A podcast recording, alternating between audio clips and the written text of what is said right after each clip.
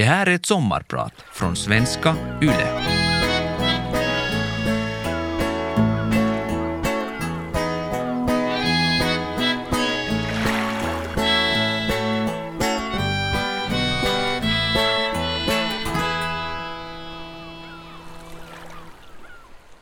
Jag sitter som klistrad vid olika nyhetssajter och Twitter. Det är augusti och mitt trädgårdsland svämmar över av saker att äta. Jag låtsas laga mat och river upp en morot och en palsternacka på måfå, men fastnar igen med näsan i telefonen. Jag läser inte recept. Jag läser nyheter. Rapporterna är hemska. Jag får inte luft. Det känns som ett tungt järnband spänns åt runt bröstet. I Månäs, där jag bor, kvittrar fåglarna och vågorna skvalpar mot strandstenarna men inne i mitt huvud flashar hundratals minnesbilder från Afghanistan förbi. På Twitter cirkulerar suddiga videoklipp och bilder på afghaner som misshandlas eller avrättas. Jag mår illa och jag skäms. Som finländsk fredsbevarare har jag stått och lovat de här människorna att vi ska hjälpa dem. Vi. Finland. Hela det internationella samfundet. Min största skräck är att min kollega Marvas ansikte ska dyka upp i flödet. På eftermiddagen går talibanerna in i Kabul. Jag heter Elli Flen och jag ska sommarprata om hur man ibland måste rädda liv utan att ifrågasätta metoderna och hur svårt det är att veta vad man ska göra med det liv man räddat. Det här är min historia om hur jag räddade livet på min afghanska vän. För man lämnar inte sin kamrat. Kaveria ei jätetä.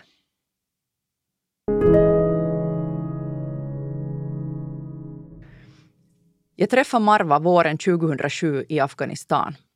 Jag såg genast att hon var annorlunda. Hon förstod helt klart en del engelska. Det såg jag på hennes min.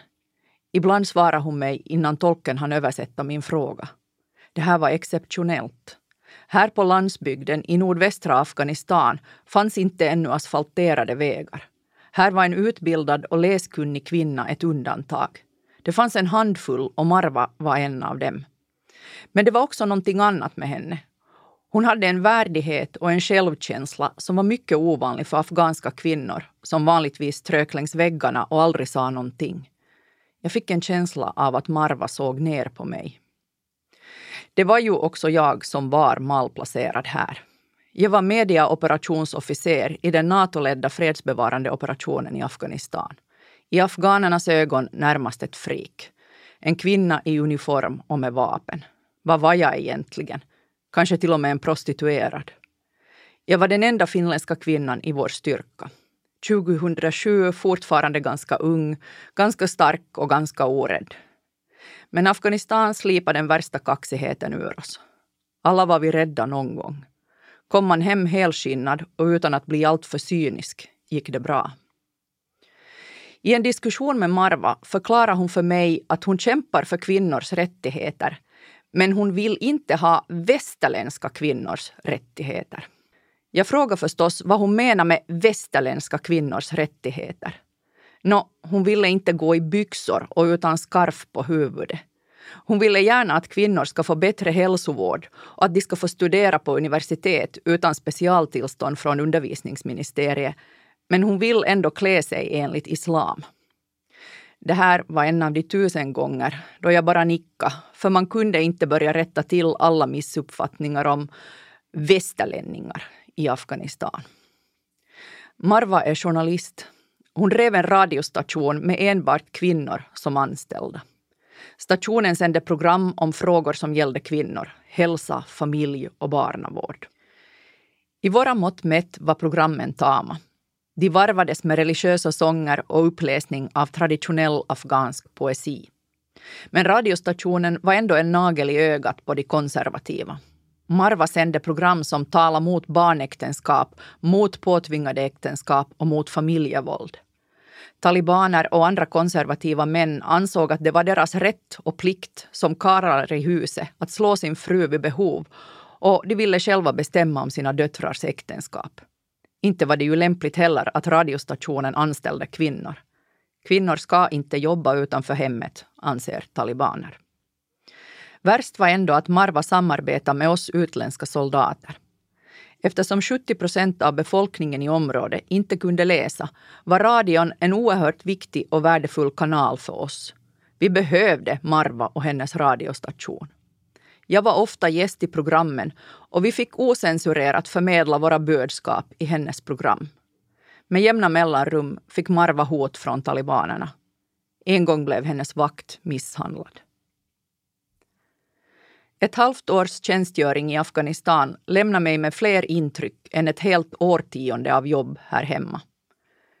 Jag återvände till mitt dåvarande jobb på press och informationsavdelningen på Försvarsmaktens huvudstab. Men rastlösheten skickade mig vidare på nästa utlandsjobb. Den här gången som presschef för OSSE i Kosovo. Någonstans på vägen gick jag och blev kär i en kar från min hemtrakt. Landade i Månäs i Nykarleby och blev mamma till två små troll. De tolv senaste åren har jag jobbat som kommunikationskonsult. Men Afghanistan är ett ställe som aldrig helt försvinner ur huvudet eller hjärtat på en som har varit där. Våldet, fattigdomen och den ofta obegripliga kulturen.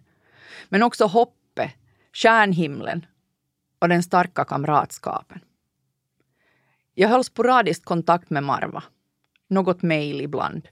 En gång betalade jag en tolk för att kunna ringa henne. Lite senare började vi använda sociala medier. Läget i Afghanistan blev tyvärr inte bättre. Våren 2021 blev talibanerna starkare och starkare. Ingen här hemma verkade riktigt bry sig först. I början av augusti skrev Marva att hon behöver hjälp. Det här var inte likt henne. Hon hade aldrig bett mig om någonting tidigare. Det fanns inga hjälporganisationer, inga internationella kvar i hennes stad. Det gick några gastkramande dagar då jag inte fick tag på Marva. Medierapporterna var otydliga, men det lilla som gick att hitta var bekymmersamt. Talibanerna hade tagit över hennes stad.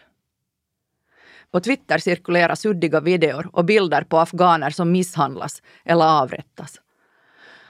Alla befarar slakt på de afghaner som samarbetat med internationella organisationer eller utländska soldater. Jag hade stått och lovat de här människorna att vi ska hjälpa dem. Jag är inte dum och jag visste med all önskvärd tydlighet vad jag gjorde. Jag lovade aldrig mer än vad jag säkert kunde hålla. Det vet alla fredsbevarare. Som medieoperationsofficer var jag den som tänkte ut vad våra patruller skulle prata med lokalbefolkningen om vad de kunde lova och inte lova. Helt i linje med Finlands utrikespolitiska linje.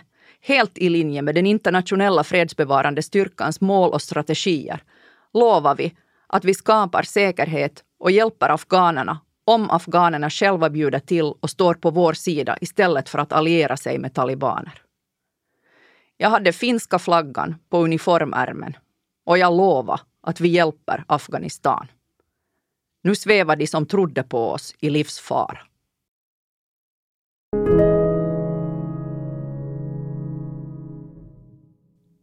Marva har fyra tonåriga barn. Två pojkar och två flickor. De tre yngsta barnen har en funktionsnedsättning och kan inte röra sig utan rullstol.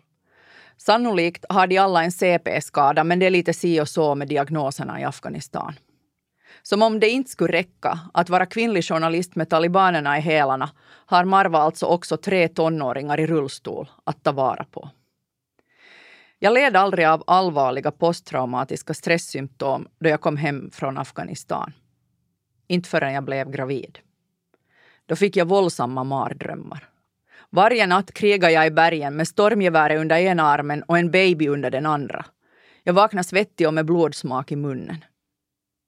Tack och lov förstod Gun på rådgivningen i Nykarleby vad som stod på. Hon förklarar att det inte är jag som håller på att flippa ur, utan att det är gravidhormonerna som gör att min hjärna går igenom alla hotfulla situationer som mitt undermedvetna bara kan hitta på och att det här sker för att jag förbereder mig på att skydda mitt barn. Jag har själv hunnit bli mamma sen jag och Marva skildes åt.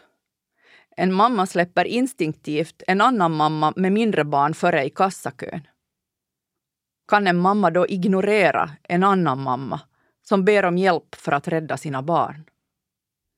Jag börjar ringa och mejla runt till vänner och bekanta hör mig för med tidigare fredsbevararkollegor, ringer olika organisationer, går igenom alla tänkbara kanaler för att hitta folk som kunde hjälpa Marva. Marva berättar att det cirkulerar uppgifter om att talibanerna ger order om att alla ogifta flickor över 12 år ska anmäla sig. Nu ska krigarna belönas med fruar. Marva tömmer hushållskassan och får sina två döttrar, en 19-åring och en 14-åring med CP-skada, till Kabul. Medierna i Finland rapporterar fortfarande knappt något alls om Afghanistan. Men de som själva någon gång har jobbat där har alla vaknat. Det håller på att gå riktigt illa. En amerikansk god vän som jobbat med att ordna val världen över är i full gång med att mobilisera insatser för att få ut afghaner som samarbetat med amerikaner. Jag kontaktar alla finländska riksdagsledamöter jag känner. Jag brukar inte missbruka de här kontakterna, för jag vet hur mycket post och böner om hjälp beslutsfattare får. Den ena saken mer behjärtansvärd än den andra. Men nu mejlar jag flera ministrar och ber dem överväga om Finland kunde fatta beslut om att erbjuda afghaner som vi samarbetat med skydd i Finland. Alla svarar, många personligen.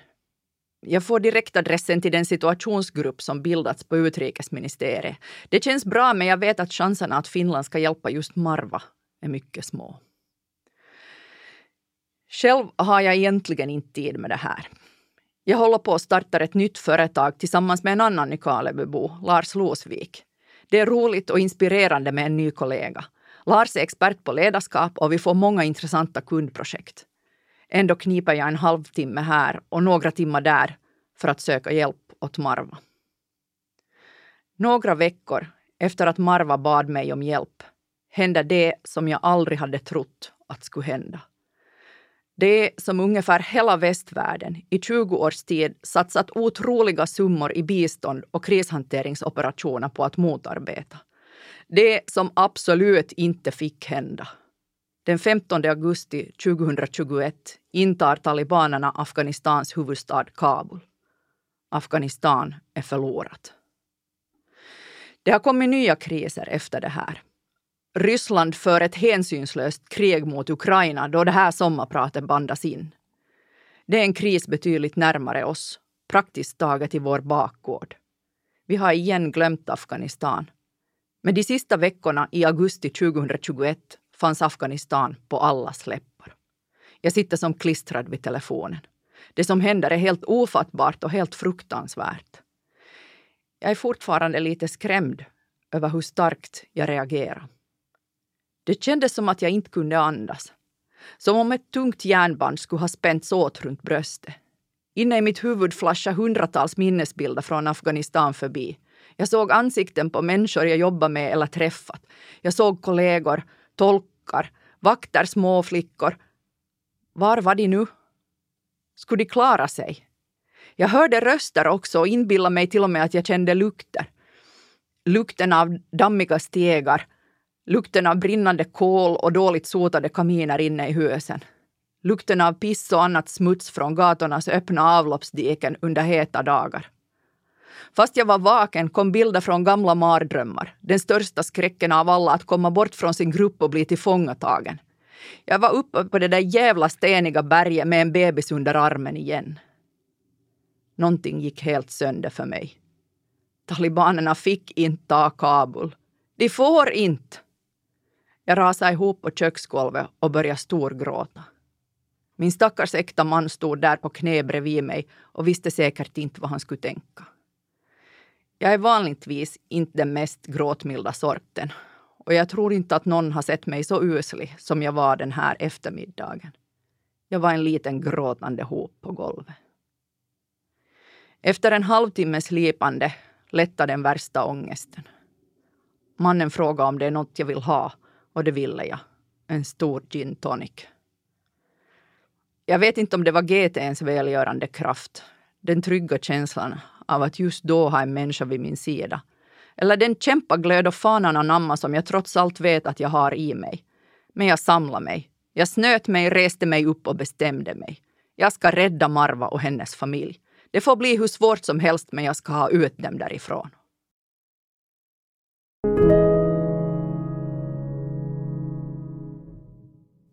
Det blev snabbt klart att det inte finns något sätt att få ut Marva, hennes man och sönerna från landsbygden. Det är två dagars resa från deras hem till Kabul i vanliga fall. Och nu var vägarna stängda. Det var talibaner överallt och Marva och hennes man höll på att bli utan pengar. Min allra käraste kollega under tiden i Afghanistan var en norsk officer. Vi jobbade axel vid axel inträngda i ett gammalt bankvalv under jord i en tidigare afghansk bank som utgjorde vårt första kontor. Han var ofta med till Marvas radiostation och gjorde nu allt vad som var lagligt möjligt för honom att hjälpa. Vi bestämde oss för att övertala Marva att låta oss först försöka hjälpa flickorna till Finland eller Norge. Vår plan var att få ut flickorna först eftersom det överhuvudtaget fanns ens en liten chans att få ut någon från Kabul. Sen skulle vi ta itu med Marva, hennes man och de två sönerna. Det kunde ta dagar att jag inte fick tag på Marva, för uppkopplingen var så dålig. Varje dag var jag rädd att hennes ansikte skulle dyka upp i videoklipp och bilder som cirkulerar på Twitter. Bilder på sönderslagna och avrättade afghaner journalister, musiker, soldater i Afghanistans armé, tidigare anställda på ambassader och internationella organisationer. En massa folk som talibanerna nu hade ihjäl. Det blev några intensiva veckor där jag försökte sköta mitt jobb samtidigt som jag hängde i telefonen på Whatsapp och på mejlen för att få ut flickorna från Kabul. Finland fattade beslut om att evakuera en del människor från Afghanistan men endast finska medborgare, personer med uppehållstillstånd och vissa utvalda som jobbar för Finland. Marvas familj fanns inte med på listan. Kanada meddelade om ett generöst asylprogram som inkluderar även journalister och människorättsaktivister. Jag fick tag på en tidigare kollega som nu är liberal parlamentsledamot i Kanada. Vi hjälpte Marva fylla i en ansökan. Så började evakueringsflygen från Kabuls flygplats. Kaja, Kabul International Airport, där jag själv flera gånger suttit på min ryggsäck och väntat antingen på väg in eller ut. Evakueringen blev en otrolig insats som följdes av alla världens medier minut för minut. Ett trettiotal finländska soldater flögs in för att assistera utrikesministeriets tjänstemän. Alla gjorde en extraordinär insats. Bilder spreds på räddade småbarn i finländska soldaters armar. Utanför flygfältets murar var det ett inferno utan like. Tusentals desperata afghaner pressades mot några få ingångar. Jag och min norska kollega var som klistrade vid telefonerna med målet att få med Marvas döttrar på något av flygen. Varje dag övervägde vi möjligheterna. Ska vi säga åt flickorna att de ska försöka ta sig till flygfältet? En 19-åring som bär en 14-åring på ryggen. De hade inte fått med sig lillasysterns rullstol till Kabul, men en rullstol skulle ändå inte komma fram i trängseln. Skulle den äldre flickan orka bära systern i hettan och trängseln? Flickorna var inte med på någon lista. Skulle de klara av att tala sig in till flygplatsen? Nej, det skulle de inte. Kaoset på flygfältet blev värre för varje dag. En dag sprängdes en bomb. Över hundra människor dog. Marvas dotter grät på telefon och skrek att hon inte vågade gå dit. Talibanerna misshandlade människor på vägen till flygfältet och släppte inte ens alla fram till gyttret utanför portarna. Vi kunde inte be flickorna försöka. Det var för farligt. De här sista intensiva dagarna i augusti hoppades jag och min norska kollega varje dag på att ett mirakel skulle ske. Att Kanada skulle meddela att flickorna fått en plats på flyget och meddela en tid och plats där flickorna kunde infinna sig för att komma in på flygfältet. Att flickorna skulle våga sig ut och få en plats till Finland eller Norge på ren tur. I slutet av augusti lyfte det sista planet från Kabul flygplats. Marva, flickorna och tusentals andra livrädda afghaner blev kvar. Jag är Elli Flen och jag är er sommarpratare idag.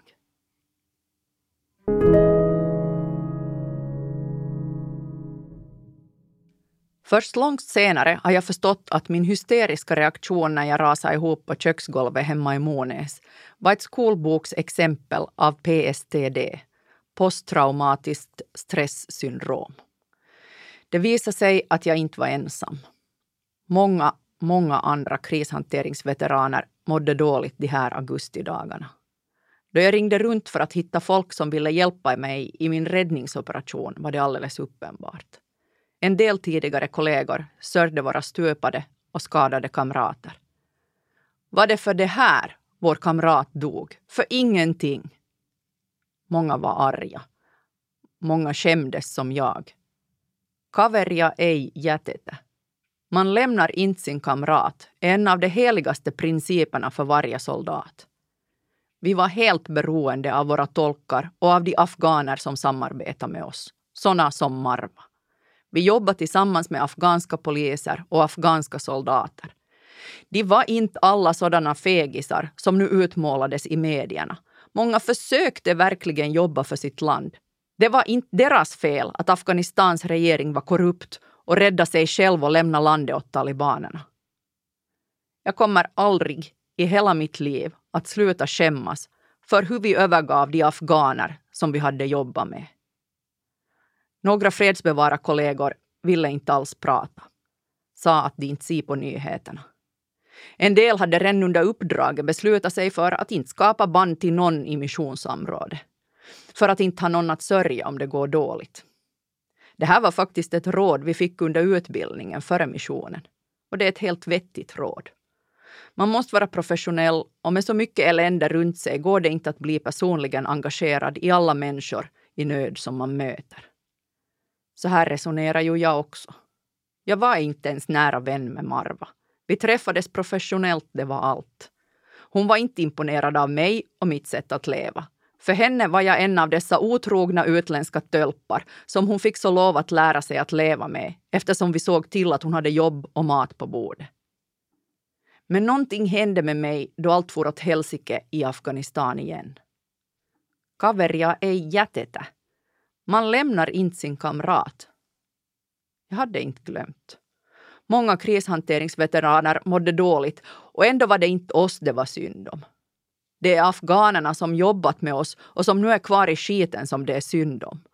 Våra mardrömmar och stresssymptom är ingenting jämfört med hur de människor som lever mitt i ett krig har det. Runt om i världen kanaliserade hundratals tidigare krishanteringssoldater sin frustration till att hjälpa afghanska kollegor. I något skede återvände Marvas döttrar tillbaka till sin familj och det såg under en tid ut som att det kanske skulle gå att trots allt leva under talibanerna.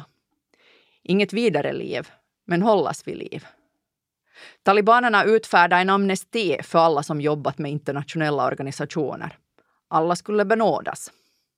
Marba ville tro på det här och återvände till sitt eget hem med sin familj. Hoppet varade inte länge.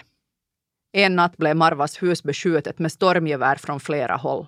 Fönster och väggar gick sönder. Familjen klarade sig för att de kröp ihop i ett rum mitt i huset. På morgonen skällde grannarna ut Marva. Varför kom ni tillbaka? Ni gör hela området osäkert. Håll er borta! Ni lockar hit talibanerna. Marva och hennes familj flydde igen. Hals över huvud och de fick inte med sig mer än några små väskor med saker.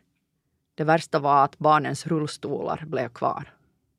Jag tror att det här var sista gången Marva såg sitt hem. De lagliga vägarna ut ur Afghanistan var nu stängda. Det fanns ingen väg ut. Att kontakta beslutsfattare och myndigheter hjälpte inte längre något alls. Alla lagliga vägar var för långsamma för Marva. Alla länder hänvisar till asylprocesser. Men för att söka asyl måste man först dyka upp i landet där man tänker söka asyl. Nu handlar det om att komma sig ut från Afghanistan. Jag själv stod vid ett val. Ska jag kasta in handduken och meddela Marva att tyvärr, ni kommer sannolikt alla att dö och jag kan inte hjälpa er. Eller ska jag börja se mig om efter mer okonventionella metoder? Vissa dagar förbannade jag mig själv för att jag hade gjort just det vi varnades för. Jag hade blivit personligen engagerad. Vår nya kommunikationsbyrå Losvik och Flen lanserades under senhösten och det gick fantastiskt bra från dag ett. Vi led av privatföretagarens lyxproblem. Vi hade hela tiden lite för mycket jobb. Jag hade absolut inte tid med någon räddningsoperation i Afghanistan. Jag kunde inte sluta. Kaveria ei jätetä. Jag insåg vart det här började luta. Skulle min moral tillåta att jag samarbetar med folk som skor sig på desperata människor? Och var får man tag på en människosmugglare då man behöver en? Det visade sig att jag fick tag på någonting mycket bättre. Nämligen två arga kvinnliga journalister. Jag hade envist följt min strategi att dra i precis alla tänkbara trådar och plötsligt fick jag tag på den kanadensiska journalist Leslie Nott som i tiderna var med och grundade Marvas radiostation. Det visade sig att Leslie var i full färd med att hjälpa flera andra afghanska kvinnliga journalister. Hon bodde nu i England, hade en fyra månaders baby i en korg bredvid sig och en hel kommandocentral vid sitt köksbord. Leslie ingick i ett nätverk tillsammans med en annan arg journalist, Nadine Gori, en BBC-reporter som rapporterade från Afghanistan då landet först befriades från talibanerna och som senare var där i flera omgångar och utbildade afghanska kvinnliga journalister. De här två kvinnorna och deras nätverk hade redan samlat ihop tiotusentals dollar och hjälpt tiotals journalister, kvinnliga domare och lärare ut ur Afghanistan. Nu börjar det äntligen hända saker.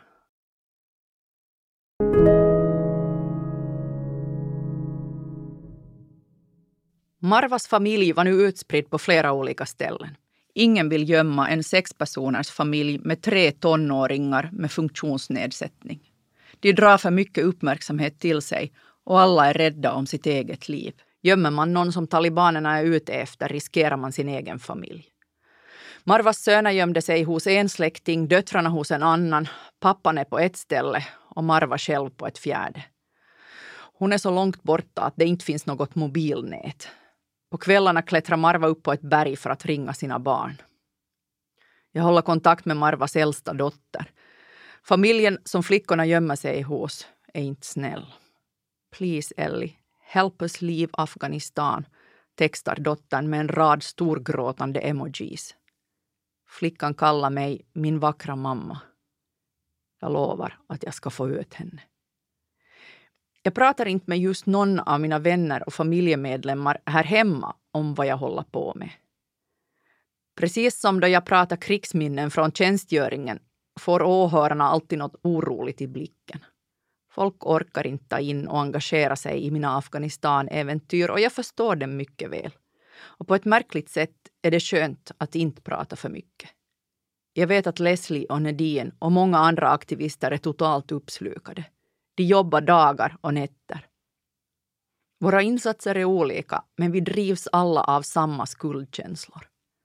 Vi lärde afghanska kvinnor att läsa, jobba och göra radioprogram. Vi lärde dem vad frihet och mänskliga rättigheter är. Hade vi inte gjort det hade alla de där kvinnorna fortsatt att hålla käften under sina burkor. Och då hade de inte varit på talibanernas avrättningslistor nu. Vi sätter i en högre växel för att hjälpa Marva. Det pågår en febril aktivitet. Mycket av det som händer nu är nära på mirakulöst. Med risk för ett antiklimax i ett sommarprat går det inte att berätta allt. Nätverken som jobbar för att få ut utsatta afghaner jobbar fortfarande och att offentligt berätta hur de gör det och om allt de gör är inte vettigt. Jag frågar i ärlighetens namn inte efter alla detaljer själv. Jag är bara oerhört tacksam och imponerad av vilka operationer Leslie och Nadine leder från sina köksbord. Med småbarn på armen och egna jobb att sköta. Leslie har en dement mamma och Nadines hela familj insjuknar i covid-19. Samtidigt räddar de hela tiden ut fler journalister, lärare och människorättsaktivister från Afghanistan. I slutet av november samlar en chaufför hela Marvas familj i en paketbil och kör dem till Mazar-e Sharif. De klarar talibanernas checkpoints och sen följer några gastkramande dygn. Familjen som de ska stanna hos börjar krångla. De ångrar sig och vill inte inhysa Marva och hennes barn. Marva får hjärtproblem, troligtvis av stressen och ångesten. Marva behöver läkarhjälp och bilen som ska hämta dem till Kabul är redan på väg. Lägg dessutom till ett annat stort hot, vintern. Snart kommer det att börja snöa i Hindukush. Hindukush är bergsmassivet mitt i Afghanistan. Jag har en gång kört längs Salangpasset som är den enda vägen från Mazar-e Sharif i norr till huvudstaden Kabul på andra sidan Hindukush. Jag kan berätta att det inte är någon nöjesresa. Vägen och tunnlarna är byggda av Sovjetunionen på 1960-talet.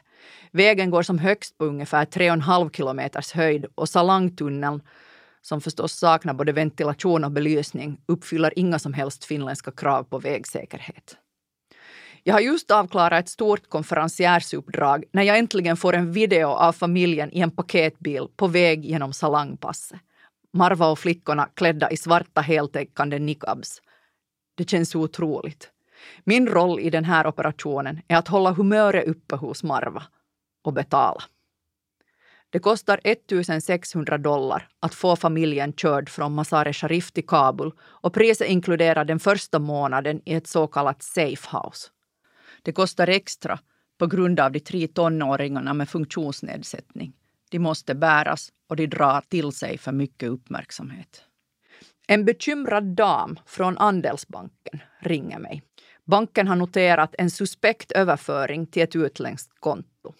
Då jag förklarar att jag hjälper en vän i Afghanistan upplyser det vänliga bankbiträdet mig om att det finns väldigt mycket missbruk och lurendrejeri just nu då tusentals desperata människor söker hjälp. Hon undrar om jag vet vad jag gör. Frågar om jag verkligen känner människorna jag är i kontakt med. Jag berättar för banktjänstekvinnan att jag just sett en video på mina vänner i en bil på väg genom Salangpasset. Mina pengar har gått dit de skulle. Men jag uppskattar bankens oro. Jag vet att det finns tusen risker med det jag håller på med just nu. Jag har gått över en egen gräns. Jag har aldrig förr använt så här mycket egna pengar på att hjälpa någon på det här sättet. 1600 dollar är mycket pengar. Eller är det mycket? För sex liv. Det vi håller på med går inte att göra utan pengar. Folk i vårt nätverk skor sig inte på människors olycka. Men det är bara helt enkelt inte gratis att köra folk genom Hindukushbergen eller hyra lägenheter i ett talibanstyrt Kabul. Någon måste betala och nu är det jag som gör det. Jag har alltid uppmanat människor som vill hjälpa nödställda i världen att donera pengar till de etablerade internationella organisationerna. Den här operationen är långt utanför boxen och ingenting jag skulle rekommendera andra att göra. Hundratals, kanske tusentals andra krishanteringsveteraner, journalister och andra som jobbat i Afghanistan håller just nu på med samma sak. Hjälpa sina gamla kollegor. I de rätta bubblorna på sociala medier delas glädjehistorier om tolkar, fotbollslag, kvinnliga domare, professorer och kända musiker som nu befinner sig i trygghet i Albanien, i USA, i Qatar. Det här är resultatet av 20 år av relativ frihet i Afghanistan. Tusentals afghaner har nu nätverk med kollegor och vänner utomlands. Många internationella organisationer övergav iskallt sina lokalanställda då den internationella personalen evakuerades från Afghanistan. Men hundratals enskilda människor accepterar inte sina hemländers och arbetsgivares tröghet utan agerar själv. Det här är inte vilka som helst nödställda. Det här är våra kollegor och vänner. Nu hjälper vi våra kollegor och vänner från Ukraina. Det är människor vi träffat och jobbat med sida vid sida på finländska jordbruk till exempel.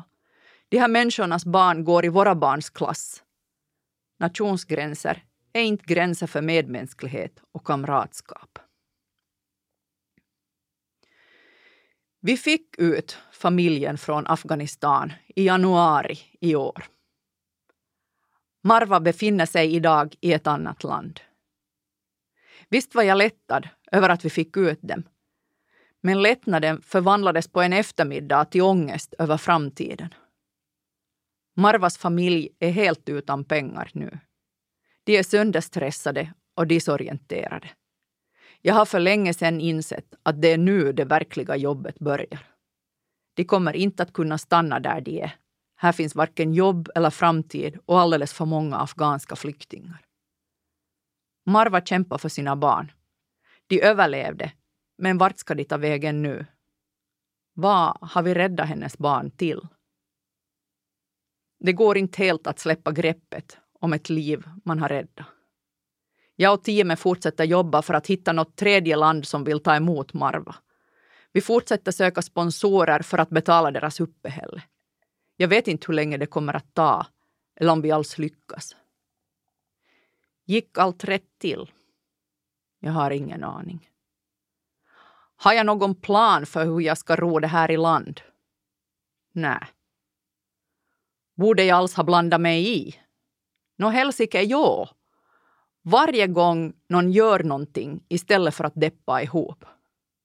Varje gång en enskild liten människa ställer sig upp, knyter näven och säger att nu räcker det. Varje gång en människa sträcker ut handen för att hjälpa en annan, även om man inte riktigt vet om det kommer att lyckas eller inte. Varje gång blir världen lite bättre. Det går kanske inte att rädda hela världen. Men det som gör oss till människor är att vi ändå försöker. Jag heter Elli Flen och jag har varit din sommarpratare idag.